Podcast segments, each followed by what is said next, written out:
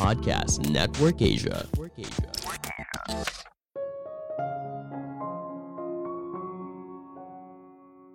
Obat untuk burnout bukan merawat diri dengan lebih baik, tapi kamu butuh orang lain. Halo semuanya, nama saya Michael. Selamat datang di podcast saya, Sikutu Buku. Kali ini saya akan membahas bagaimana cara mengatasi burnout atau stres berat yang dialami seseorang.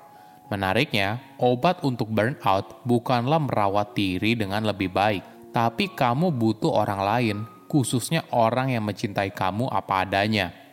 Ini merupakan rangkuman dari video TED Talk Emily Nagoski dan Amelia Nagoski yang berjudul The Cure for Burnout, Hint It Isn't Self-Care, dan diolah dari berbagai sumber. Sebelum kita mulai, buat kalian yang mau support podcast ini agar terus berkarya, caranya gampang banget. Kalian cukup klik follow.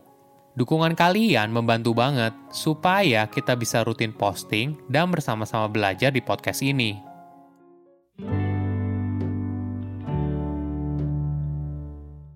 Apa sih burnout? Burnout adalah kondisi kelelahan emosional, fisik, dan mental karena stres berlebihan dan berkepanjangan.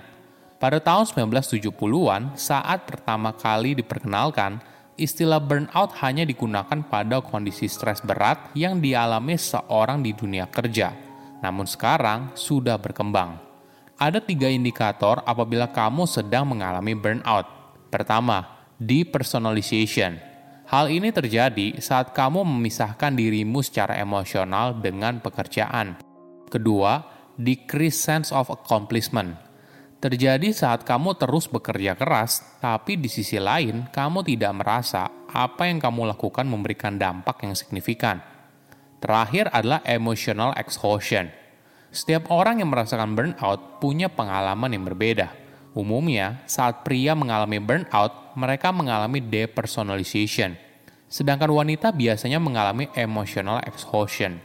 Suatu hari, Amelia merupakan salah satu pembawa acara TED Talk, tiba-tiba dilarikan ke rumah sakit karena mengalami sakit perut yang luar biasa.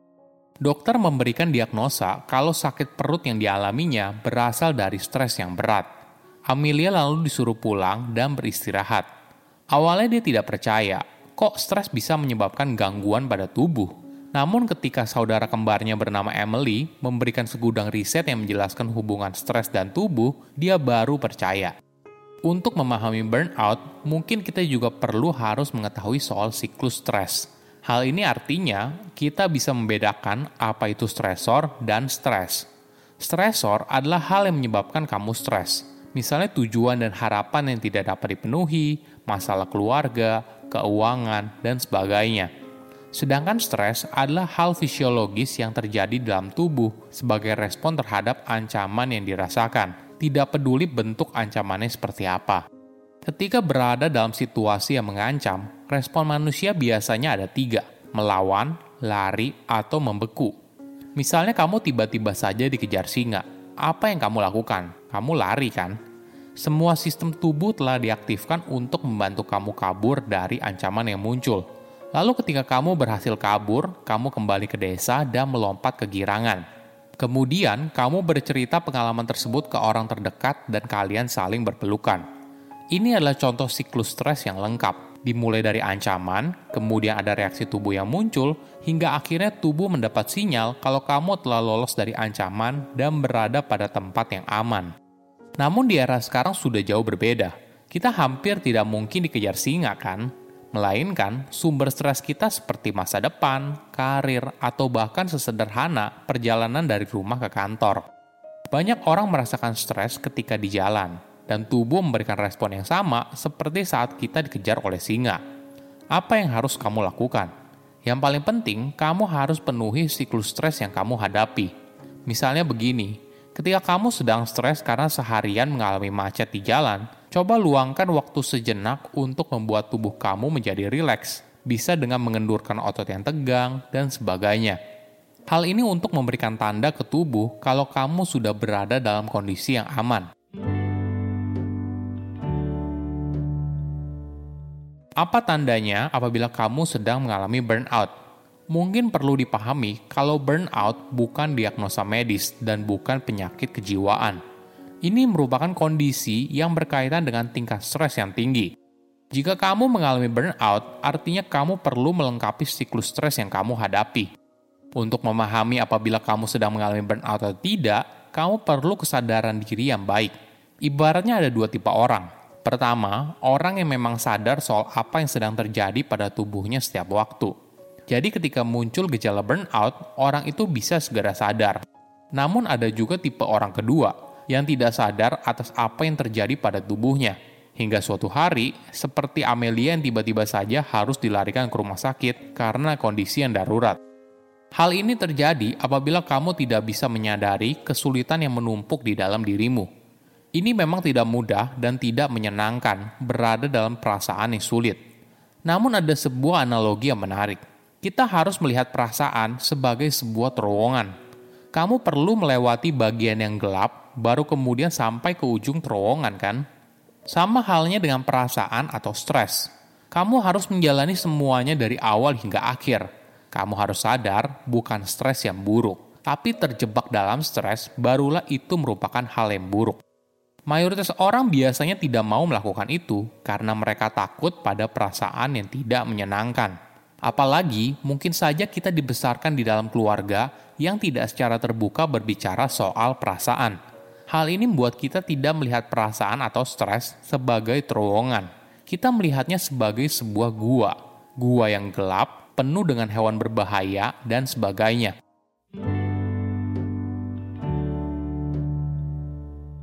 Bagaimana caranya apabila kamu mengalami burnout di tempat kerja? Tentunya yang paling baik adalah adanya komunikasi antara atasan dan bawahan. Komunikasi yang terbuka atas tantangan dan kesulitan yang dihadapi namun sayangnya, tidak semudah itu. Ada kondisi di mana atasan dan bawahan tidak bisa menjalin komunikasi yang baik. Jika sudah begitu, kamu harus melindungi dirimu dari lingkungan kerja yang toksik. Caranya yaitu dengan menciptakan suasana penuh cinta di rumah, di mana anggota keluarga di rumah memiliki perhatian yang tulus atas kesejahteraanmu. Ada fakta yang menarik. Untuk mengobati burnout bukanlah merawat diri dengan lebih baik, yang kamu butuhkan adalah cinta dan kasih sayang dari orang yang ada di sekitarmu. Misalnya bisa sederhana ini, kamu terlihat sedang mengalami stres yang berat, kemudian ada orang yang bilang, kamu sepertinya butuh istirahat sejenak, saya akan bantu kamu mengerjakan hal ini. Atau kamu hanya butuh 15 menit didengarkan tentang permasalahan yang sedang kamu hadapi. Inilah kenapa untuk mengobati burnout, kamu tidak bisa sendirian, kamu butuh orang lain. Cuma kondisi ini memang tidak dialami oleh semua orang. Mungkin saja ada orang yang tidak memiliki hubungan yang dekat dengan anggota keluarganya yang lain di rumah. Namun pertanyaannya, apakah kamu pernah mencoba? Mencoba untuk mulai merajut kembali komunikasi yang mungkin sempat terputus. Ketika kamu merasa sedang kesepian, mungkin saja orang terdekatmu juga merasakan hal yang sama. Dukungan dan cinta dari orang terdekat merupakan obat mujarab dalam menghadapi burnout. Saya undur diri, jangan lupa follow podcast Sikutu Buku. Bye-bye. Halo pendengar Sikutu Buku. Saya Veronica. Saya Dodo. Dan saya Chandra. Dari podcast Warung Imaji. Ingin mengajak kamu untuk mendengarkan podcast kami setelah mendengarkan episode ini. Di podcast Warung Imaji ada kisah-kisah yang mengandung banyak nilai kebaikan dan dapat membuka pikiran si kecil agar mereka luar biasa. Kami nantikan kunjunganmu di podcast Warung Imaji. Pandangan dan opini yang disampaikan oleh kreator podcast, host, dan tamu tidak mencerminkan kebijakan resmi dan bagian dari podcast Network Asia. Setiap konten yang disampaikan mereka di dalam podcast adalah opini mereka sendiri dan tidak bermaksud untuk merugikan agama, grup etnik, perkumpulan, organisasi, perusahaan, perorangan, atau siapa pun dan apa pun.